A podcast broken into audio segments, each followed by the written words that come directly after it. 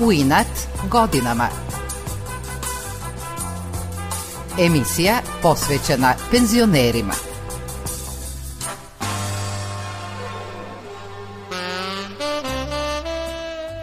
Dobro jutro. I ove subote smo zajedno u emisiji U inat godinama. Novoseđanin koji u potpunosti odgovara naslovu naše emisije je inženjer prehrambene tehnologije, dugogodišnji direktor u mlinsko-pekarskoj industriji i vlasnik izdavačke kuće Tiski Cvet, Sima Matić – Podjednako ugledan privrednik i izdavač, Sima Matić je u knjigama ostavio Novom Sadu i Vojvodini ogromnu zaostavštinu, pre svega rečnik srpskih govora Vojvodine, zatim priče o porodici Jovanović-Vakin, o Marku Nešiću, Vasi Jovanoviću, lekaru i kompozitoru Jovanu Popoviću, o Savi Vukosavljevu, o gajdama, tamburašima i mnogim drugim zanimljivim ljudima i društvenim pojavama u Vojvodini i Novom Sadu. Izdavačka kuća Tiski Cvet objavila je više od 500 naslova, od kojih je dobar deo priredio Sima Matić. On je jedan od osnivača Pčese, inicijator je postavljanja bista svom najboljem prijatelju, akademiku i pesniku Stevanu Rajičkoviću na Kalemegdanu i Rodnoj Senti, zatim Jovanu Popoviću, upravniku Srpskog narodnog pozorišta, Joci Vujiću i Radivoju Popoviću. Izdavač Sima Matić pripremio je materijal za knjigu o Gliši Trlajiću iz Kovilja, profesoru ruske književnosti i gajdašu, savremeniku Dositeja Obradovića.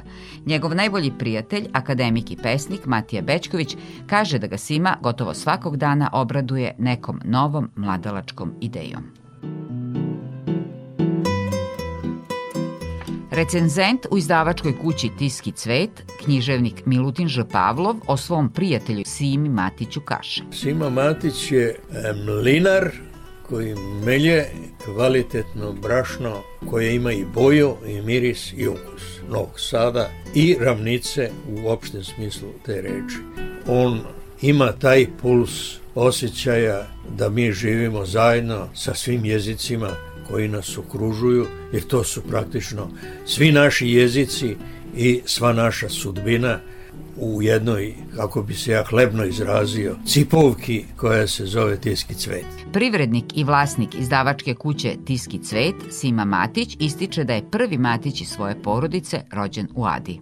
Ja sam rođen u Adi, prvo koleno Matićeve dinastije koji su stotinama godina molci po Čarnovićem došli i ja sam prvi rođen u Adi, a moj otac je tada imao deseta godina kad je moj deda, a njegov otac. Moj deda je imao četiri sina, među njima je mog oca i jednu čerku. Onda je moj deda iz Mola rešio da ode u inostranstvo da živi i poveo celu porodicu. To inostranstvo se zvala Ada. Crkva Molska je udaljena 3-4 km od pravoslavne crkve u Adi. U više nacionalnoj Adi Sima Matić kaže da je naučio da razlikuje samo dobre i loše ljude. Imao sam divno detinstvo, obeleženo činjenicom da se nije znalo, niti se na tome insistiralo ni ko je Srbin, ni ko je Mađar. Vezivali su samo ljudski odnosi i dobrota koja je bila znak prepoznavanja ili neko drug ili nije. Moja mlađa sestra, na primer, je završila nemački jezik i kao profesor nemačkog jezika je stalno ga predavala na mađarskom. I eto imao sam sreću da sam kao 15-godišnjak došao u Novi Sad na sva školovanja, a da sam poneo od kuće nešto što znalo voleti i poštovati svoju pripadnost, ali ne isticati je posebno, našto ne na uštrb bilo koje druge nacije. Sima Matić je kao osnovac svirao u tamburaškoj sekciji kulturno-umetničkog društva Rade Popović u Adi. To kulturno-umetničko društvo bilo je značajno za očuvanje kulture i duhovnosti Srba. I pošto ja imao jednu divnu muzičku osobinu, bio sam najmanje rastom. Jedin instrument koji sam mogao da sviram, to je bio prim. Normalno, to je jedina sličnost između mene i Janike Balaža. Ali sam ja nekoliko godina kao klinac to svirao i bio sam po meni osrednjeg talenta, jer je bilo nekoliko zaista izuzetno talentovnih klinaca. Međutim, ja sam bio to što sam bio, pa prim je bio vodeći instrument, pa sam ja bio mali šef. Ljubav prema tamburi još tada mu je usadio njegov tadašnji učitelj Joca Mimika, koji je, iako vremešan, dva puta nedeljno dolazio pešice iz Mola u Adu, priča Sima. Taj Joca Mimika je bio tada muzičar svetskog nivoa o čemu mi klinci pojma nismo imali. Naprimer, on je svirao violinu tri godine na Bečkom dvoru u njegove mladosti. I sad kao potpuno jedan star čovjek, kako on fizički izdržavao da dva put nedeljno peške prelazi Ada Mol i bio je poznat po tome što svaki put imao jednu tamburu ispod ruku. Jer on odlezići za mol nosi tamburu koju treba naštimovati, pa je vraća naštimovano. On je udario, da kažem, temelje mog interesovanja koji će me kasnije pratiti ceo život. I odatle ta moja nastranost ljubavi prema tamburi i tamburaškoj muzici. On se seća jednog takmičenja dečjih tamburaških orkestara na kojem su bili odlični sa svojim učiteljem i dirigentom Jocom Mimikom, ali su osvojili drugo mesto, nastavlja Matić. Taj svet je znao ko je Joca Mimika i već ga je primao sa posebnim poštovanjem. Mi smo očito to dobro radili i ubedljivo smo važili za favorita broj 1. Međutim, na opšte iznadljenje, čak uz blagi zvižduk, proglašena jedna druga sekcija za najbolji samo zahvaljujući njihovom dirigentu koji je tada bio neprikosnoveni čovek broj 1 tamburaške muzike države. To je Savo Kosavljev. A Savo Kosavljev je od uh, učenica vaspitačke škole napravio tamburaški orkestar samo devojčice. I Sava je dobio prvu nagradu, mi je drugu.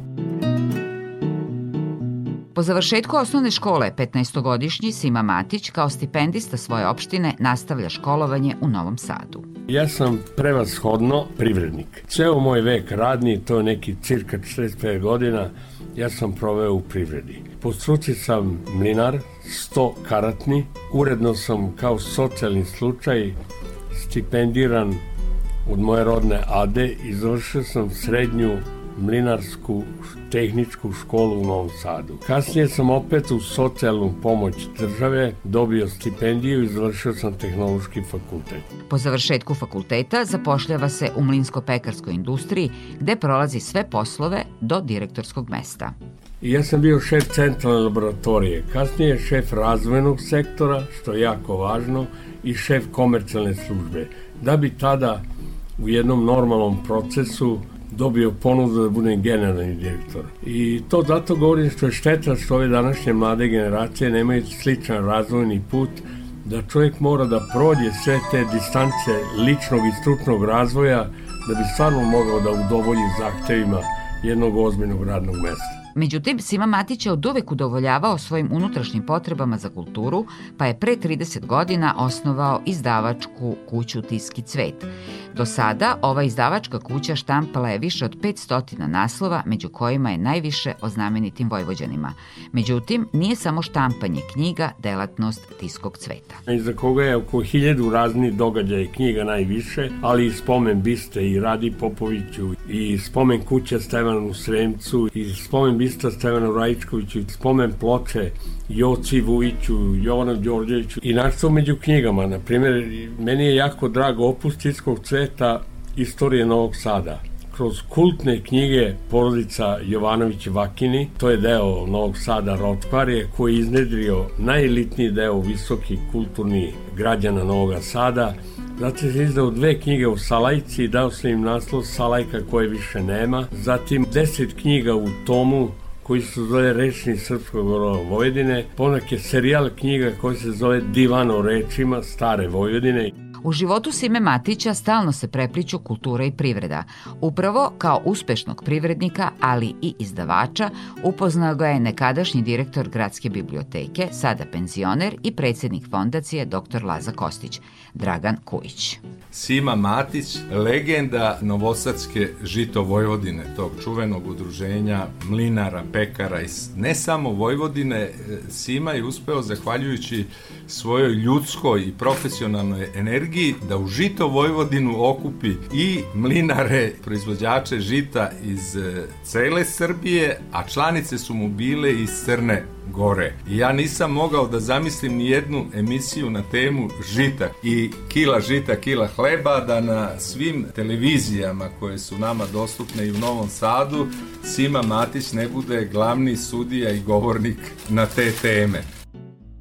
Mnogo naslova izdavačke kuće Tiski cvet promovisala je upravo Gradska biblioteka u Novom Sadu, nastavlja Kojić moram sa velikim ponosom i zadovoljstvom da kažem gotovo sve svoje knjige koje je ta znamenita izdavačka kuća koja je u velikoj meri podigla ako hoćete i standarde u izdavaštvu našeg voljenog rada, a i dala velike doprinose vrednim knjigama vezanim pre svega za ovaj uži i širi zavičaj, dakle Novi Sad i Vojvodinu, dala vredne priloge izdavačkoj produkciji naše sredine. Zahvaljujući energičnosti Sime Matića, u Senti je otkupljena kuća Stevana Sremca, ističe Dragan Kojić. Sima Matić je poveo sa svojim prijateljima iz Sente jednu divnu akciju da se ubedi opštinsko rukovodstvo Sente da se otkupi rodna kuća Stevana Sremca, gde je i njegov ujak Jovan Đorđević, veliko ime srpske kulture, otac himne, jedan častan i čestit tadašnji predsjednik opštine Senta, naš prijatelj, gospodin Atila Juhas, je uspeo da obezbedi sredstva i da se ta kuća otkupi i onda pretvori u muzej u slavu Stevana Sremca Senćanina i njegovog ujaka Jovana Đorđevića. Osim osnivanja svoje izdavačke kuće, Sima Matić je i jedan od osnivača Pčese. Pišući o narodnim igrama Srba u Vojvodini u saradnji sa Savom Vukosavljevim, rodila se knjiga o igrama u dvoje. Ja sam često imao običaj da u posveti u toj knjizi pišem samo u Vojvodini Srbi su se vatali u dvoje. To je bio uticaj valcera i tanga. Svi drugi Srbi su se vatali u kolo, mala Biblija, igre u dvoje nosila je nasled Cigančica. Jer je to bila najpopularnija igra u dvoje kod Srba u Vojvodini, prva Jugoslavija. I bile su razne narodne manifestacije i omladina sluša igra i samo čeka kad će orkestar da zasvira Cigančicu. Oni maestro Sava Vukosavljev su istražujući igre u dvoje saznali da osim takozvane cigančice ima još dvadesetak takvih igara. Mi smo obilazili sve te varošice, tipa Mitrovice, Srbobrana, Novog Sada normalno, gde god smo naišli na te igre.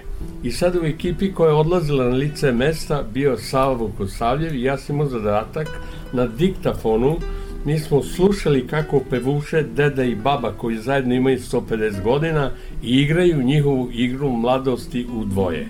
I osvanula je ta knjiga i zahvaljujući Savlju Kosavljevu, on je kod mene u mojoj sobici slušajući diktafon, on je ostavio trag notnog zapisa. Upravo u Pčesi upoznao je svog najboljeg prijatelja, akademika i pesnika Stevana Rajičkovića, rođenog u Senti. Naime, osim organizacionog odbora, u Pčesi postoji i počasni koji promoviše knjige. I bio je počasni odbor gde je predsednik počasnog odbora uvijek bila neka ličnost visokog rejtinga. Pa sam ja kao lik koga smo otipovali da može to da izvede, ubedio Aleksandra Tišme jedne godine da bude, pa pokojnog Baši Đorđeta i padne ideja, pošto je promocisana knjiga Komšija pa Bog u Senti, da to bude Stevan Rojčković ko nas primi ili je bio nemoćen da odbije samo zašto je znao da je Senta u pitanju, koja je njega rodila kao pesnika.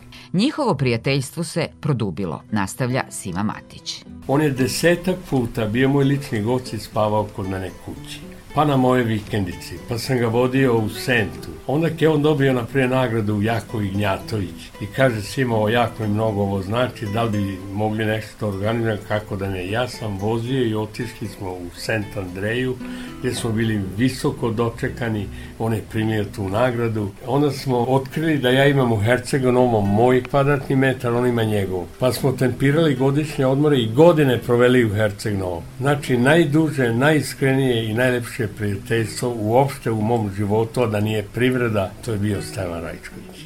Iz tog prijateljstva rodilo se još jedno sa akademikom i pesnikom Matijom Bečkovićem. Kasnije sam opet od Stevana čuo za tog neobičnog čoveka koji živi u Novom Sadu i bavi se sasvim nekim drugim poslom, a za svoju ljubav objavi i poneku knjigu. Kasnije smo se i upoznali opet preko Stevana Rajčkovića i svime me skoro podsjetio da imao neke rezerve prema meni, a da sam ja rekao da ću se potruditi da se popravim, pa da to ne bude smetnja za naše prijateljstvo. Onda nas je naš zajednički prijatelj Sevan Rečković napustio, pa sam ja zaista nasledio to prijateljstvo. A onda nas je sprijateljila i Senta. Kada ih je prijatelj napustio, Sima Matić i akademik Matija Bečković odlučili su da naprave bistu svom prijatelju, kaže Matić. Pokrenu mi akciju da se digne spomen bista Stenu Rajčković. I Matije se to odradio i digne se spomen bista koji danas u, na Kalmegdanu otvorio Matija Bečković. I kažem ja Matiji s kojim ću naslediti prijateljstvo koji danas traje. Reko Matije, lepo bi bilo da napravimo reprinte biste pa da je stavimo u sentu njegovu. Spomen bistu su postavili i nastavili prijateljstvo, kaže akademik Matija Bečković. Pa smo onda sa još jednom grupom Šenčena, među kojima je bio i Petar Teržić, podigli Stevanu Rejškoviću bistu pored onog Stevana Sremca i pored Tise, a potom nastavili da prijateljujemo i da sarađujemo na različitim projektima koje je svima pokretao neumorno do današnjega dana. Tako da svima ostaje moj dragoceni prijatelj i savremenik i svaki dan me iznenađuje nekom mladalaškom inicijativom. Mnogo umetnika je sarađivalo sa izdavačkom kućom Tiski cvet i Simo Matićem. Jedan od njih je i vajar i pesnik Laslo Silađi, kojem je ta izdavačka kuća objavila dve knjige poezije. Međutim, Laslo je sa Simom sarađivao i kao vajar. Obično me oslovljava sa Ember, čovek na mađarski, kaže Ember, imam jednu ideju, ajde da mi vidimo nešto, kaže Jovan Popović, inače prvi upravnik SNP-a i čovek koji je i pokrenuo Narodno pozorište u Beogradu, kaže da mu radimo bistu, on je znameniti senčanin.